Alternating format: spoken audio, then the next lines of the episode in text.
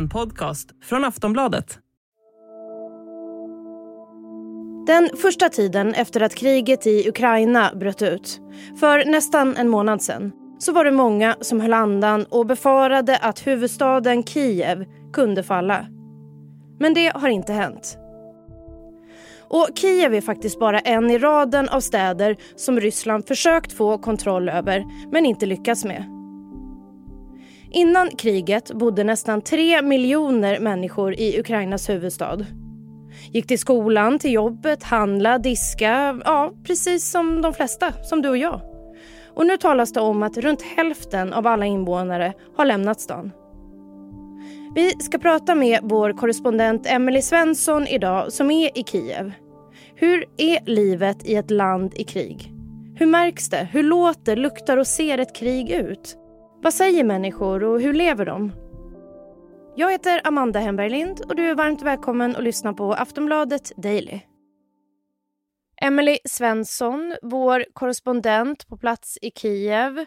Kan du berätta var du är någonstans och hur natten har varit? Jag är på ett hotell i centrala Kiev och vi kommer tyvärr vara instängda hela, här hela dagen eftersom det är utegångsförbud i ett och ett halvt dygn här.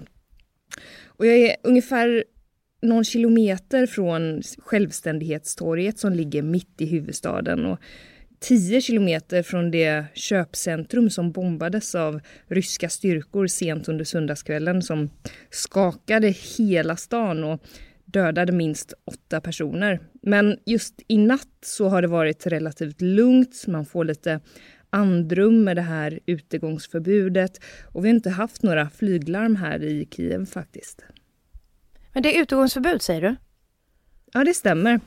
Då så är alla affärer stängda, apotek, bensinstationer, eh, så man får hålla sig inne helt enkelt. Och det är massa militärer på gatan.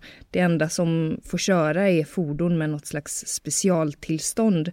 Eh, så det är väldigt speciellt och det här kommer pågå fram till klockan sex på onsdag morgon svensk tid. Eh, så, och, och det enda som får röra sig ute, det är i så fall också om man har Eh, om man är på väg till ett skyddsrum, då får man eh, också röra sig ute. Men så exempelvis, jag vet att det är hundratals människor på eh, tågstationen här i Kiev som får vänta där i två nätter och en dag. Ja, de, de har fastnat där då för att det, det här utegångsförbudet trädde i kraft då menar du? Ja, precis. Det trädde i kraft under vid åtta tiden på kvällen. Så då började polis vakta eh, dörrarna in och ut ur tågstationen. Eh, och folk försökte komma in och ut men lyckades inte. Så de eh, spenderade natten där. Ja, gårdagskvällen då. Du, du har ju varit i Ukraina några dagar nu, och, men du kom precis till Kiev. Hur var det att resa in i huvudstaden igår? Väldigt speciellt. Ehm, de flesta i landet, miljontals, flyr ju västerut i landet för att undkomma eh, bomb, eh, bombattacker. Och vi har ju åkt motströms nu, så det här tåget var i, i princip helt tomt. Det var kanske en handfull människor som åkte samtidigt med väldigt lite packning. Jag försökte prata med några där men de kunde i många fall inte engelska. Eh, de, jag kunde kommunicera lite med förklara att de bodde i Kiev. Det var främst unga eller medelålders män. Ehm, och det var helt knäpptyst på det här tåget. Ingen som pratade, inga barnskrik, bara tågets gnissel. Ehm, i åtta timmar när vi tuggade fram genom det här jättelandet. Eh, vi såg ett par små orter på vägen men mest leråkrar. Och sen på kvällen så rullade vi in i Kiev och då var det väldigt speciellt. Vi var de här fåtal personerna som ställde oss i fönstren och tittade tillsammans. Det var helt tyst och kolla på den här väldigt mörka staden. Eh, trots att det inte var så sent så var det ju släckt nästan överallt. För det känns nästan verkligen som en spökstad. Man uppskattar ju att ungefär hälften av befolkningen har tagit sig från Kiev. Du är ju mitt i krigets helvete kan man säga nu. Alltså, kan du beskriva mer hur, hur det ser ut och, och hur låter det? Hur luktar det? Jag ser fram emot att lära känna Kiev ännu mer och hur det ser ut och känns här mer. Men som sagt, det känns det lilla jag sett och hört hittills som en spökstad. Det är knäpptyst under morgonen. Jag har inga bilar som kör utanför, inga flyglarm än så länge. Det kan absolut komma under dagen här. Jag hör en fågel som kvittrar, inget mer än så, eftersom det är det här utegångsförbudet.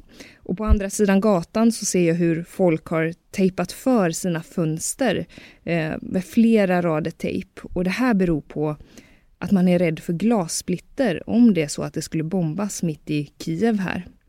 Men i Kytomyr, där vi också har varit, 15 mil utanför Kiev, där har man också varit väldigt utsatt eh, med raketregn mot bostadshus, skolor, sjukhus har bombats.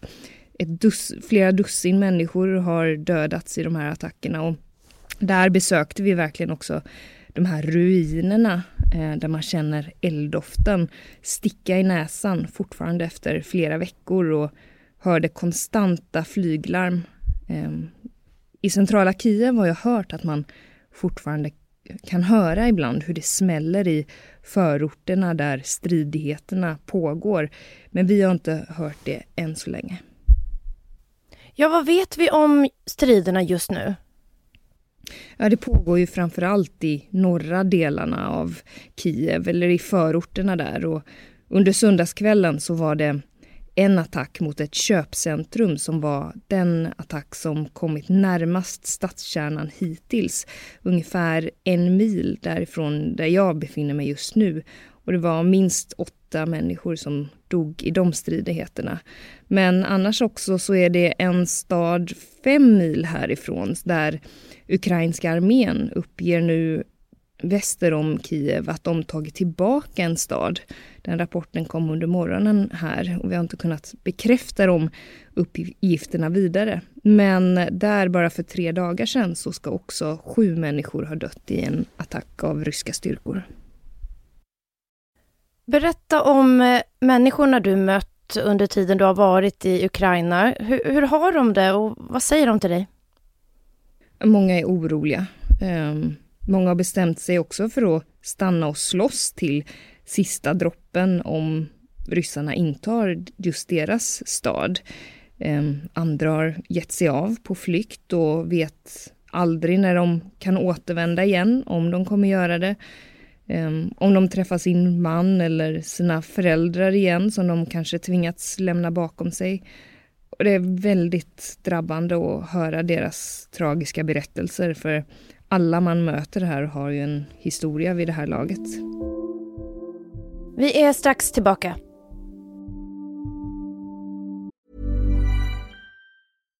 Millions of people have lost weight with personalized plans from Noom. Like Evan, who can't stand salads and still lost 50 pounds. Salads generally for most people are the easy button, right? For me, that wasn't an option. I never really was a salad guy. That's just not who I am. But Noom worked for me. Get your personalized plan today at noom.com. Real noom user compensated to provide their story. In four weeks, the typical noom user can expect to lose one to two pounds per week. Individual results may vary.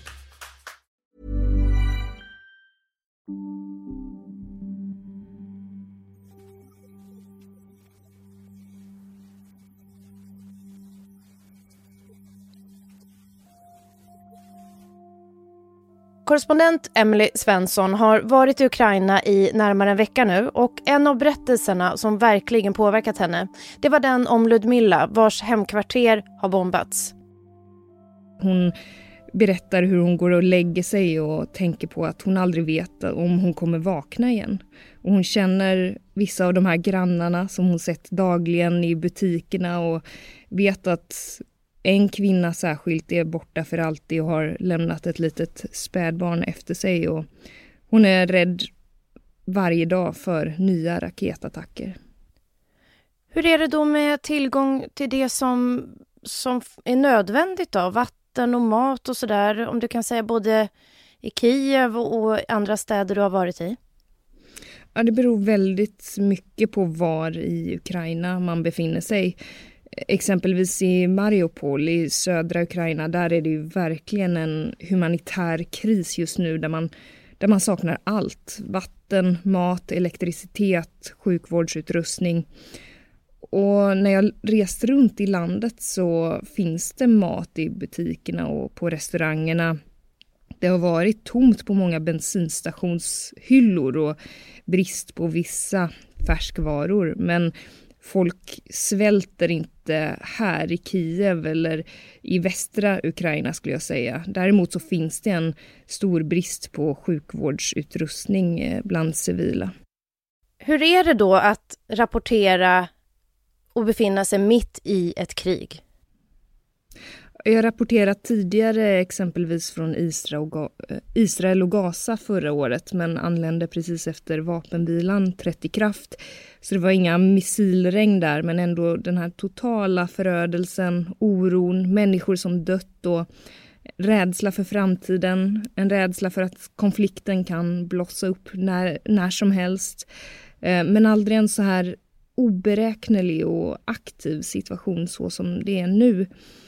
Jag tror att det som överraskat mig mest här är motstånd, motståndskraften. Att det finns så många som trots den här oron stannar, vill slå tillbaka.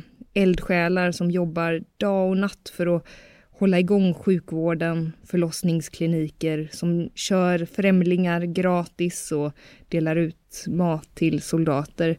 Ehm, det är väldigt speciellt att rapportera från ett krig och möta alla de här människorna med speciella öden. Hur är det då med säkerheten också? Jag tänker för dig och, och fler journalister som jag antar också är i Kiev. Ja, det är väldigt mycket journalister i Ukraina. Jag såg en pressorganisation baserad i Genève har rapporterat att nästan 3000 är i landet och sex personer, eh, journalister, ska ju ha dödats också, främst nära Kiev. Men eh, vi känner oss relativt trygga. Vi har utbildning för att jobba i konfliktzoner. Vi har god säkerhet. Vi kommer inte ta några onödiga risker. När du kommer se tillbaka på den här tiden, tror du att det finns några bilder, minnen som kommer att etsa sig fast hos dig? Jag tror mest berörande för mig är alla de här bilarna som vi har sett på väg västerut. Med lappar i alla fönster som, där man har skrivit barn, ordet barn, på ryska. I hopp om att det här ska skydda bilen från en attack eller eventuell beskjutning.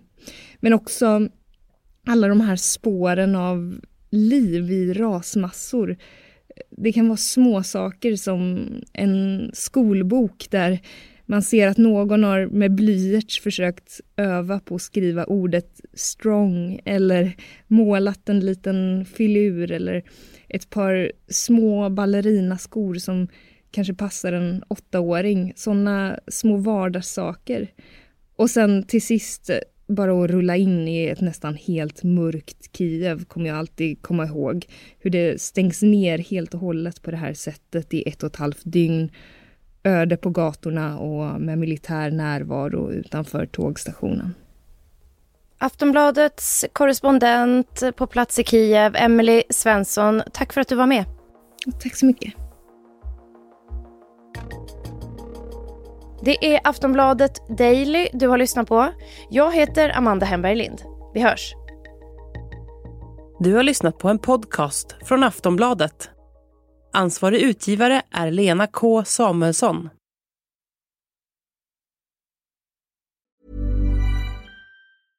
Ready to pop the question? The jewelers at BlueNile.com have got sparkle down to a science with beautiful lab-grown diamonds worthy of your most brilliant moments. Their lab-grown diamonds are independently graded and guaranteed identical to natural diamonds, and they're ready to ship to your door. Go to Bluenile.com and use promo code LISTEN to get $50 off your purchase of $500 or more. That's code LISTEN at Bluenile.com for $50 off. Bluenile.com code LISTEN.